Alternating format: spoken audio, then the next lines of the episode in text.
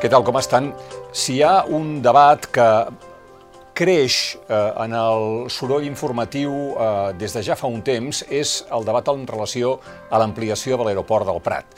Segur que n'han sentit a parlar alguna cosa. Aquesta setmana mateix hem tingut dos pronunciaments eh, d'un dels, eh, dels, eh, dels ajuntaments, d'una de les autoritats concernides en aquest projecte, com és l'Ajuntament de Barcelona.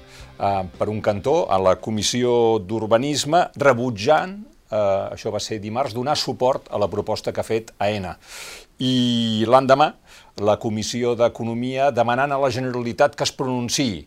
I bé, en certa forma, encara que no de manera oficial, però sí un dels eh, components del govern sortint, del govern en funcions que hi ha hagut fins aquesta setmana passada, el conseller eh, del RAM, Damià Calvet, oposant-se també a aquest projecte d'AENA. AENA, com saben, és eh, l'empresa de l'Estat que gestiona els aeroports espanyols, és una empresa público-privada, el 51% del capital és públic, eh, i està presidit des de juliol de 2018 per l'economista Maurici Lucena, a qui vostès eh, possiblement també recordin perquè ha estat diputat eh, al Parlament de Catalunya, militant del PSC i en les últimes eh, eleccions al Parlament del 14 de febrer va ser anunciat pel presidenciable del PSC, Salvador Illa, per ser el seu vicepresident econòmic en cas de formació de govern. Aquesta setmana sabem que això finalment no ha estat així i, per tant, el nostre convidat seu amb nosaltres en la seva qualitat de president d'AENA.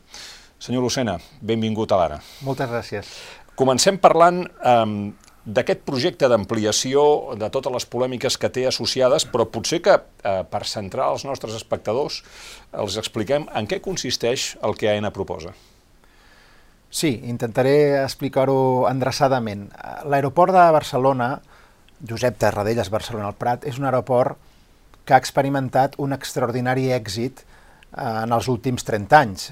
A l'any 1992, l'any olímpic, van passar per l'aeroport 10 milions de passatgers, el 2009 ja n'hi havia més de 30 i el, 2000, i el 2019 vam assolir una xifra de 52,7 milions de passatgers. És a dir, que ha estat un aeroport que ha facilitat el que en última instància és l'important, que les persones que volen viatjar a Barcelona i Catalunya, que tenen un gran atractiu, ho han pogut fer per via aèria, que és una via molt habitual d'arribada a la nostra ciutat, a, a Barcelona. La capacitat tècnica de l'aeroport, després de l'ampliació de la Terminal 1, és de 55 milions de, de passatgers. Per tant, el 2019 estàvem ja russant aquesta capacitat tècnica. És veritat que el cop associat a la pandèmia ha estat un cop molt dur, el transport aeri mundial, però els organismes internacionals més sòlids preveuen que en algun moment entre el 24 i el 25 es recuperaran els volums de tràfic de l'any 2019. Tot això està per veure si passarà, però les tendències de fons econòmiques i demogràfiques així ho apunten. Per tant, eh, la proposta tècnica d'AENA és re reprendre la que ja havien fet abans de la pandèmia i simplement desplaçar-la en el calendari 3 anys, de manera que proposem que l'aeroport de Barcelona passi a tenir una capacitat addicional fins a 70 milions de passatgers l'any 2031. Però això, senyor eh, Bassas, té una peculiaritat. No és només més volum. Per les pro pel propi joc de les forces de mercat, el que estem detectant els darrers anys és que la demanda de rutes a Barcelona és sobretot de demandes de rutes perdó, intercontinentals, de llarg radi. I per tant, amb aquesta ampliació, el, gairebé segur que passaria és que l'aeroport de Barcelona acompliria una vella aspiració dels ciutadans de Catalunya esdevenint un gran hub d'interconnexions, sobretot intercontinentals. És a dir, un hub, doncs, com n'hi ha altres a Europa, que no només eh, té rutes de curt i mitjà radi, sinó que també té una connectivitat directa amb rutes de molt llarg radi que estan alimentades per vols de més curt radi. Uh -huh. Problema, per fer això cal allargar la tercera pista. Aquesta és una possibilitat, és a dir, tècnicament n'hi ha una altra, però aquesta és la proposta d'ENA. La proposta d'ENA és per tu tenir la justificació per fer una nova terminal, que és el que proponeu, el que proposem, una terminal 1 satèl·lit, hauríem de tenir més capacitat pel que en el sector es denomina al costat aire, hauríem de tenir un augment de capacitat. I això, amb la configuració, amb l'ús actual de les pistes, només ho aconseguiríem si volem preservar la petjada acústica i que aquesta no augmenti en els municipis de l'entorn de l'aeroport, ho hauríem de fer a través de l'allargament de la pista, diguem-ne mar. La que va cap al mar.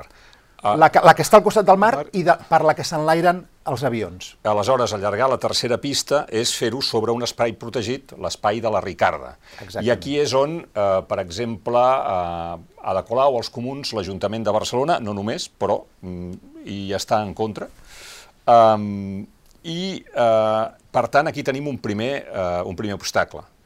Fins a quin punt, eh, avui dia, eh, en aquests moments en què les qüestions de sostenibilitat no només són una qüestió que ens apel·li a la consciència, sinó que quan la Unió Europea posa diners en els fons de nova generació, etiqueta que una destinació important ha de ser per projectes sostenibles, l'Ajuntament de Barcelona, perdó, eh, AENA vulgui per l'aeroport de Barcelona una ampliació que afecti mediambientalment una zona protegida. Sí, sí efectivament, uh, però tornem al principi. Eh, ja, després parlem del tema mediambiental, que és fonamental, i vull posar-lo de relleu.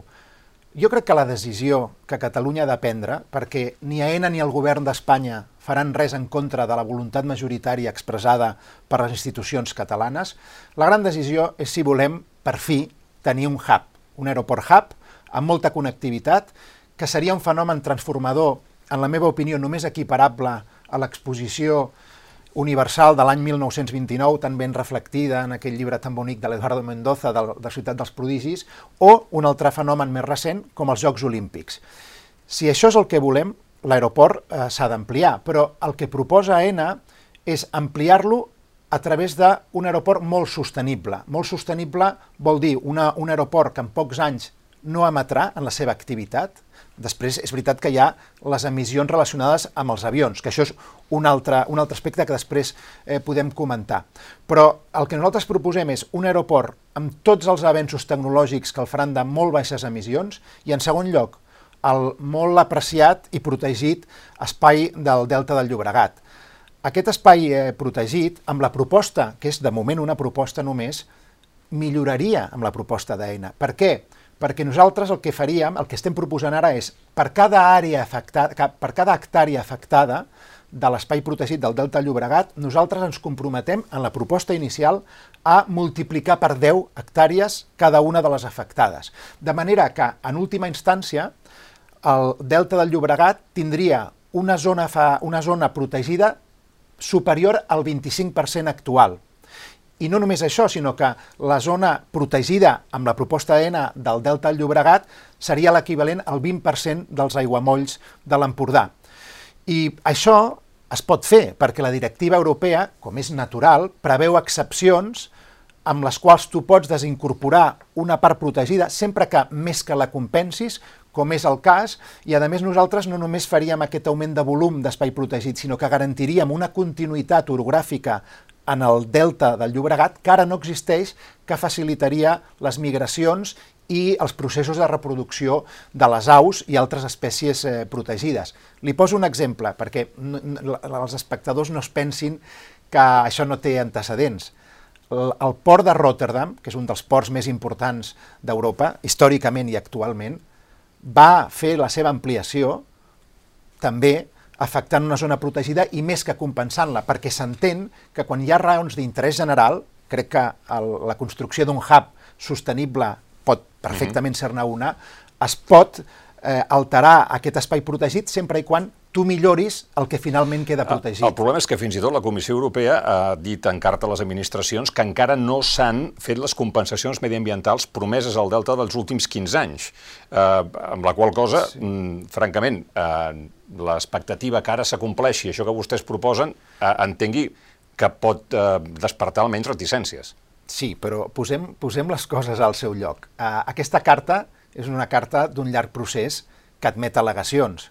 I les tres parts concernides, després diré quin és el protagonisme relatiu de cada una de les parts, que són el Govern de la Generalitat de Catalunya, concretament la Conselleria de Sostenibilitat, de Territori i Sostenibilitat, el Ministeri de Transició Ecològica i AENA, hem fet les nostres al·legacions, jo tinc el convenciment de que AENA les coses ha fet molt bé, està acreditat en una comissió de seguiment mediambiental on participa el govern de la Generalitat que es va acceptar el que AENA havia fet, està acceptat pel govern de la Generalitat, és a dir, que ara la discussió és amb la, amb la Comissió Europea. Estem fent al·legacions, aquest és un carril mediambiental completament diferent del de l'ampliació, perquè estem parlant d'altres espais protegits. Ja, ja, però, és, però és, un, és un antecedent de dir que a vegades es fan promeses de protecció i d'ampliació sí, que després no s'acompleixen. Però, però, senyor Bassas, per això li dic, sap de qui és formalment la responsabilitat de la gestió, definició i protecció de l'espai del Delta Llobregat? Del govern de la Generalitat de Catalunya i concretament de la Conselleria de Territori i Sostenibilitat. L'Ajuntament de És el responsable de la protecció. Nosaltres el que fem és ajudar que compleixi, però el responsable últim, formalment, és, és el govern de la Generalitat de Catalunya. Uh, al·legacions de caràcter polític, o almenys uh, argumentaris. L'equip de l'alcaldessa Colau defensa que en lloc d'ampliar l'aeroport caldria reduir el nombre de viatges curts en avió per combatre l'emergència climàtica. Per exemple, no té sentit anar a València sí. i fins i tot que mm, crec que parlen d'eliminar dos terços dels vols del pont aeri, tenint en compte que Barcelona i Madrid estan ben servides per alta velocitat. Sí. Aquesta és una tendència que veiem al, al nostre entorn que es va, es va imposant. No sé què passarà a Espanya, avui jo he més assistit a l'acte, el president del govern espanyol ha presentat un informe de prospectiva 2050 on una de les propostes del grup del grup d'experts és precisament eh, prohibir, no se sap en quin termini, els vols de menys de dues hores i mitja, com han fet altres països. Eh, aquest és un procés que en la meva opinió, té bastant poc a veure amb l'ampliació que s'està plantejant. Vaig, per exemple, a València, el que ha citat l'alcaldessa Colau. Xifres de 2019. Persones que es desplaçaven a València amb tren des de, des de Barcelona. Barcelona, un milió, una mica més d'un milió. Persones que es desplaçaven en avió, en aquest mateix trajecte, 85.000. És a dir, que aquesta tendència de manera natural ja s'ha imposat, perquè si tu tens un tren que és molt còmode i que en poca estona et permet arribar allà on vols, doncs eh, la gent de manera natural canvia. També és veritat que actualment la, la, la xarxa ferroviària no té capacitat, no tindria, dic a dia d'avui, o pot tenir en el futur, d'absorbir tots aquests vols que, que ara s'estan produint. Però aquesta tendència, mm, com dic, sembla que és natural, però del que estem parlant amb l'ampliació, sobretot, és de captar vols de llarg radi, vols intercontinentals que facin, que produeixin aquest, aquest hub. I li diré una altra cosa que em sembla molt rellevant. Airbus, eh, ho ha dit públicament, ha anunciat que el 2035 disposarà d'avions comercials 100% sostenibles. 2035, d'hidrogen. Aleshores, l'ampliació que nosaltres estem plantejant acabarà el 2031. Perquè per... es començaria a fer el 2026. 25, el 2025. 2025. Es començaria el 25, però mm. és un projecte realment monumental. I per tant l'han de decidir ara.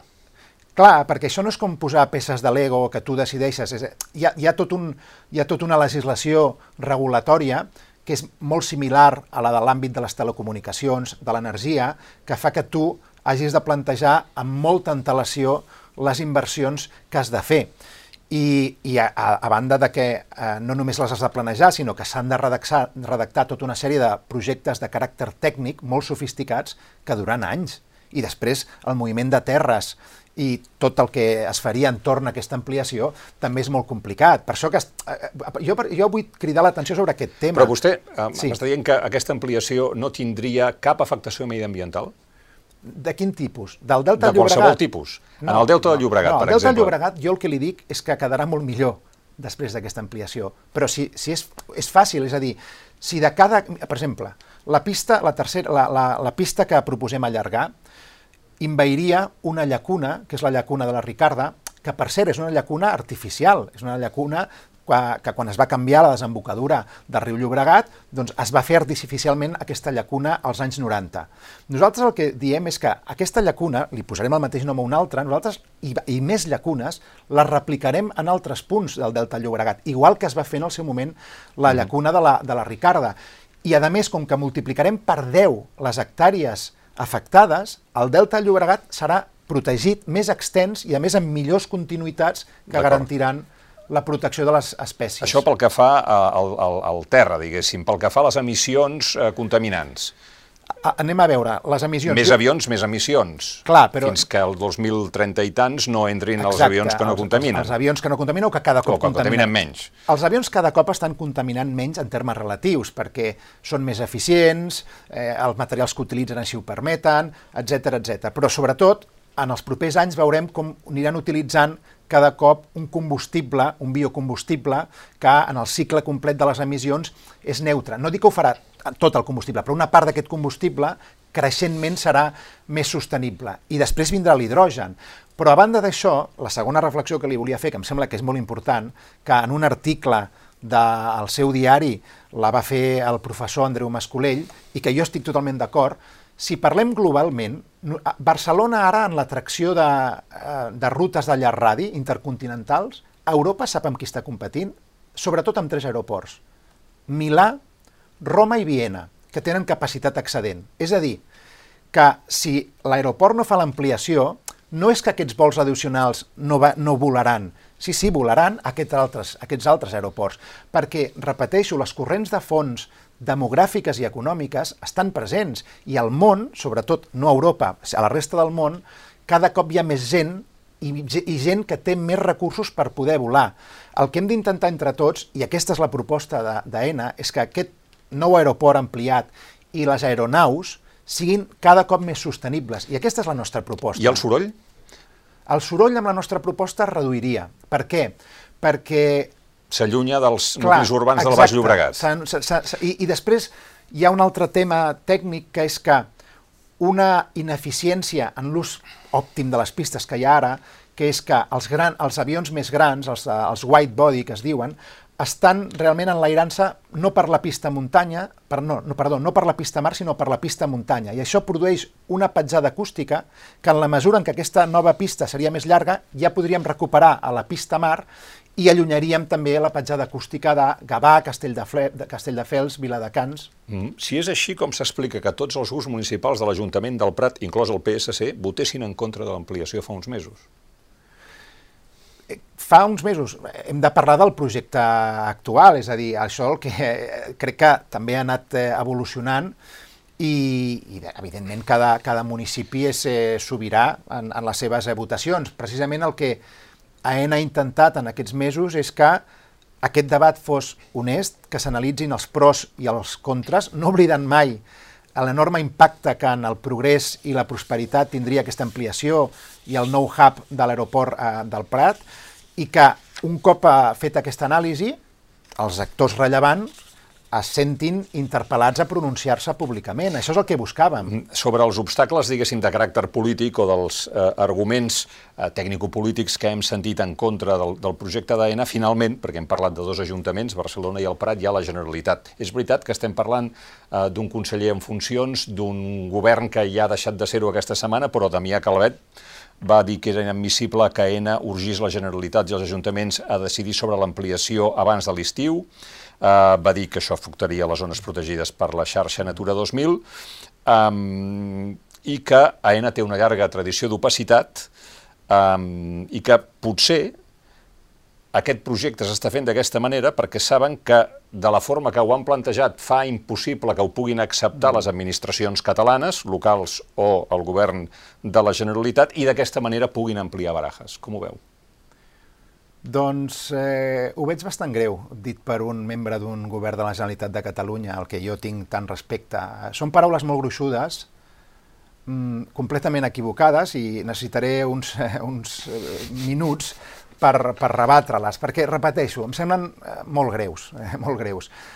Eh, primer, el que està clar és que el conseller actual de Territori i Sostenibilitat està en contra del hub i està en contra de 1.700 milions d'euros d'inversió per Catalunya, que això encara no ho havia dit. Estem parlant de 1.700 milions d'euros per Catalunya. A la meva opinió, Catalunya, i no vull entrar en polèmiques eh, estadístiques, simplement diré que està en un risc alt de decadència econòmica. Eh? Això, dic, jo dic risc, no estic dient que s'estigui encara produint, però el risc existeix.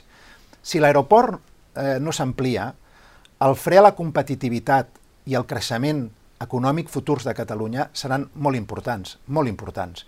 Aleshores, el conseller no vol un hub i no vol 1.700 milions d'euros d'inversió. És bo que ho expliqui, però aleshores anem als altres punts que són els que em semblen realment greus, no? perquè és molt legítim que ell estigui en contra de la prosperitat, el progrés, etc etc. Però ell diu, AENA és opaca. Home, AENA és una de les 10 empreses més grans d'Espanya, cotitza en borsa i té el 51% públic. El nivell de transparència que cotitzar en borsa i tenir el 51% públic implica és altíssim. O sigui que ja d'entrada això... Home, no, no sabem quins són els beneficis de l'aeroport del Prat, no?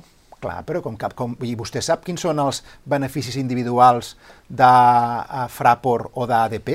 Bueno, però vostès són una empresa uh, pública. No, però, però això, perquè això són, són claus competitives.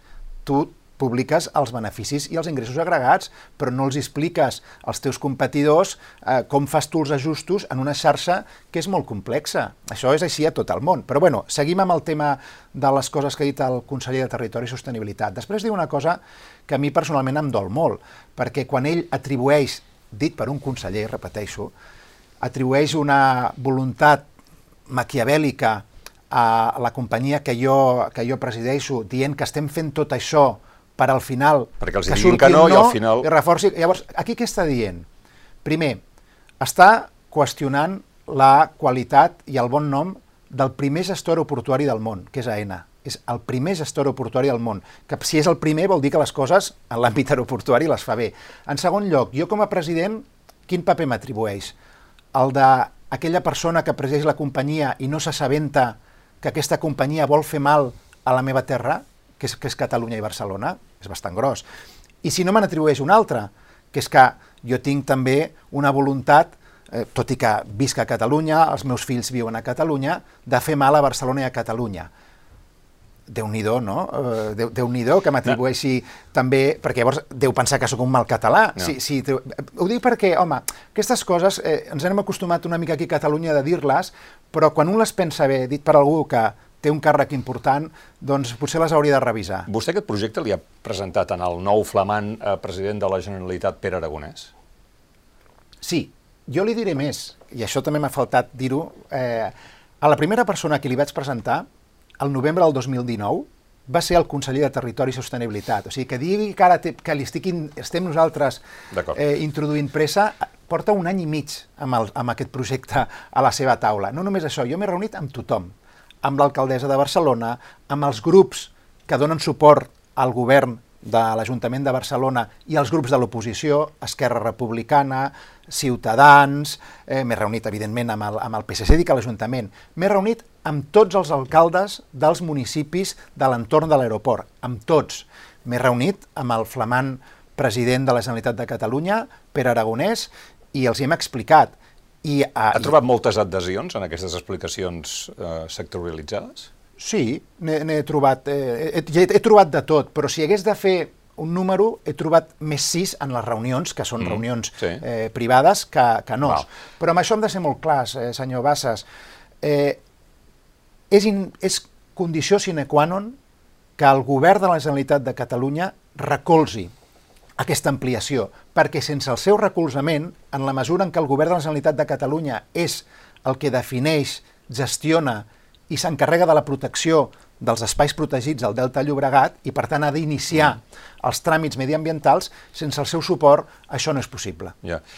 Hi ha alguna manera d'ampliar amb capacitat l'aeroport que no sigui a través d'aquest pla? Es poden fer altres coses?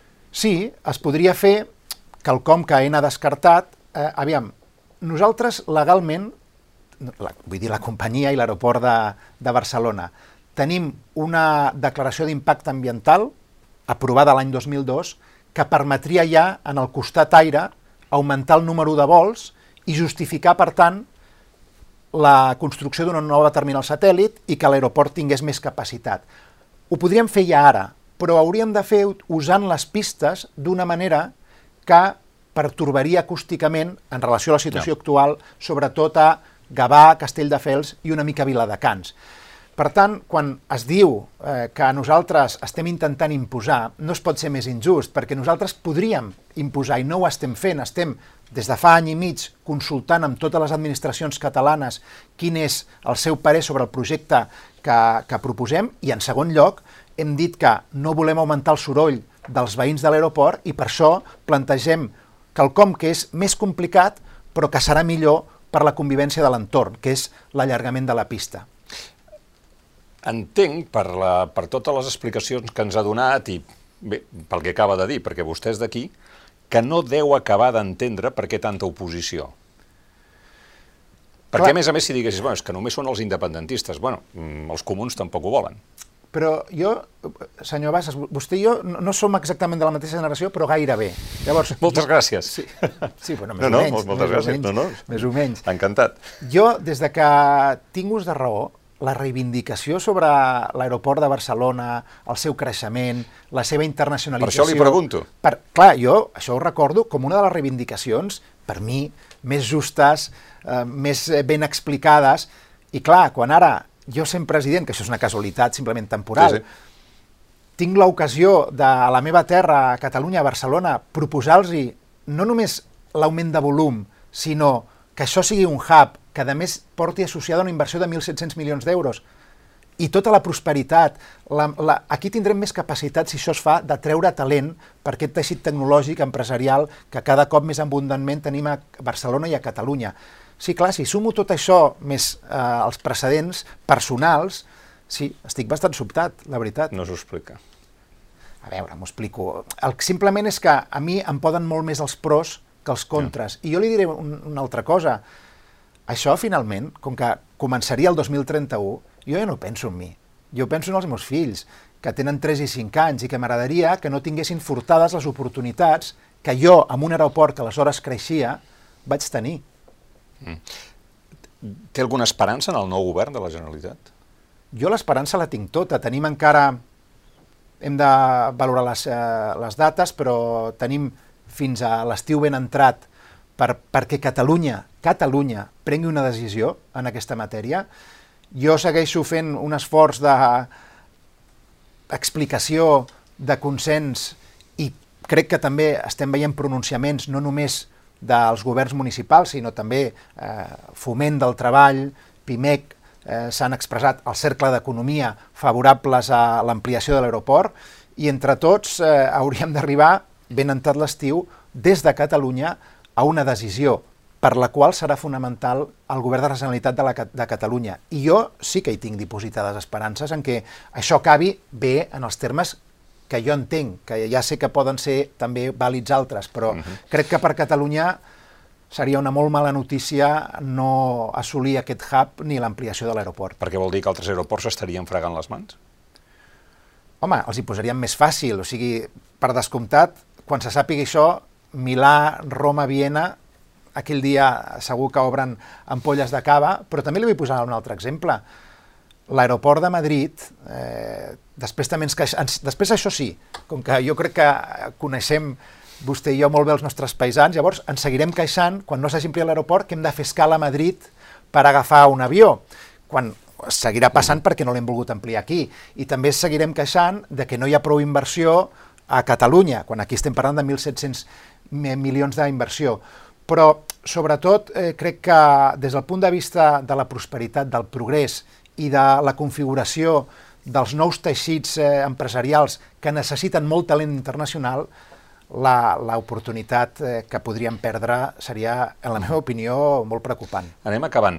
M'agradaria que abundés en aquesta idea del hub eh, intercontinental, perquè potser alguns dels espectadors deuen estar pensant quin benefici econòmic és per la ciutat i pel país que algú faci servir l'aeroport com una estació de transbordament. Baixa d'un avió que ve de Singapur i se'n puja amb un altre que se'n va de Barcelona a Nova York.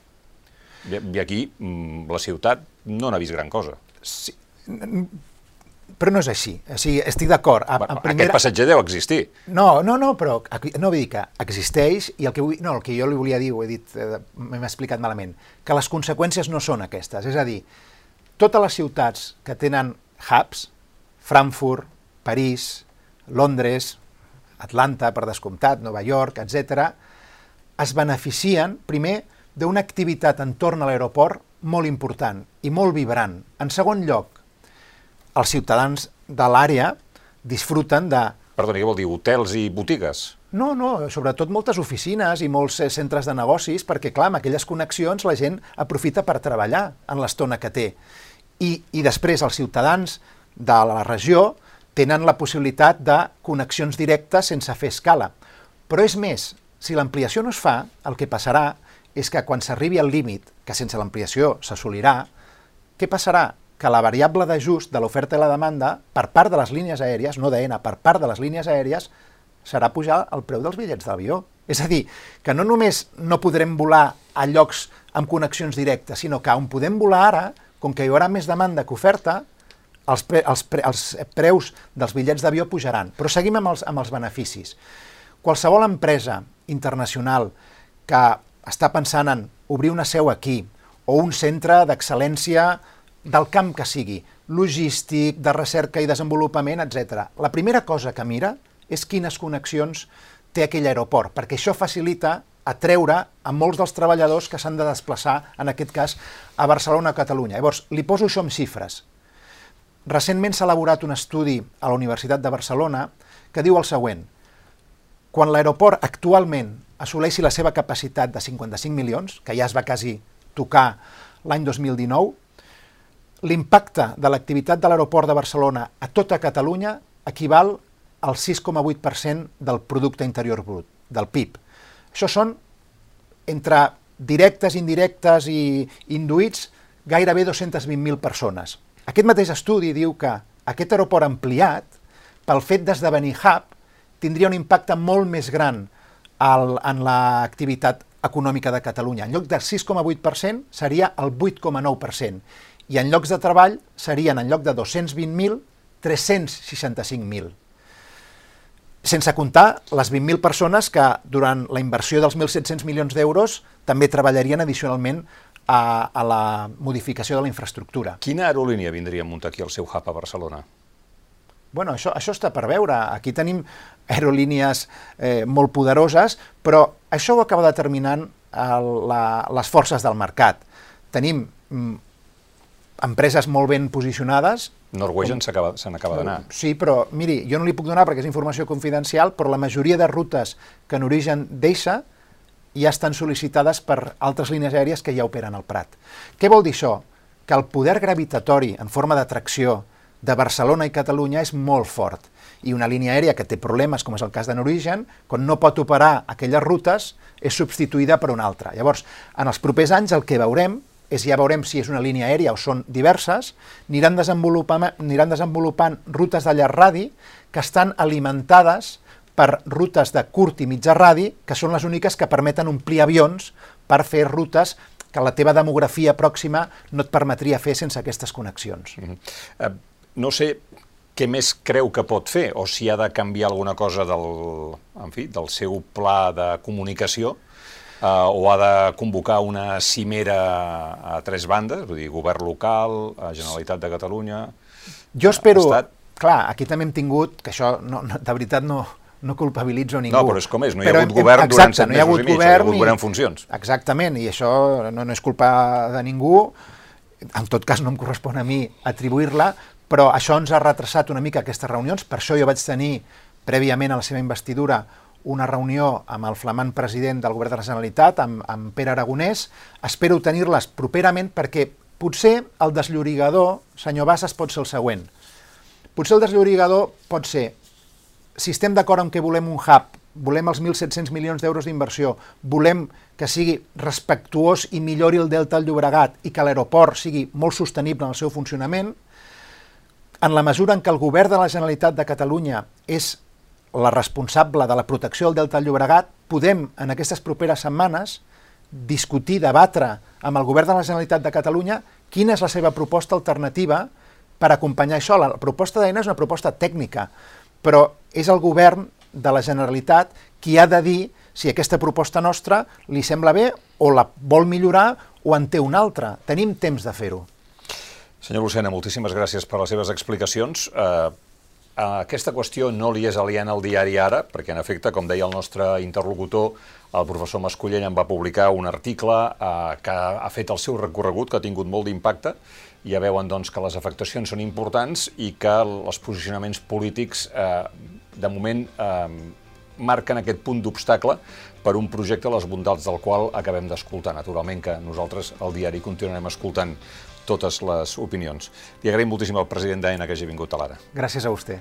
Gràcies també a vostès per haver-nos vist. Esperem els comentaris sobre els continguts d'aquesta entrevista al peu de la finestra on ens han pogut seguir a l'ara.cat. Fins una pròxima ocasió.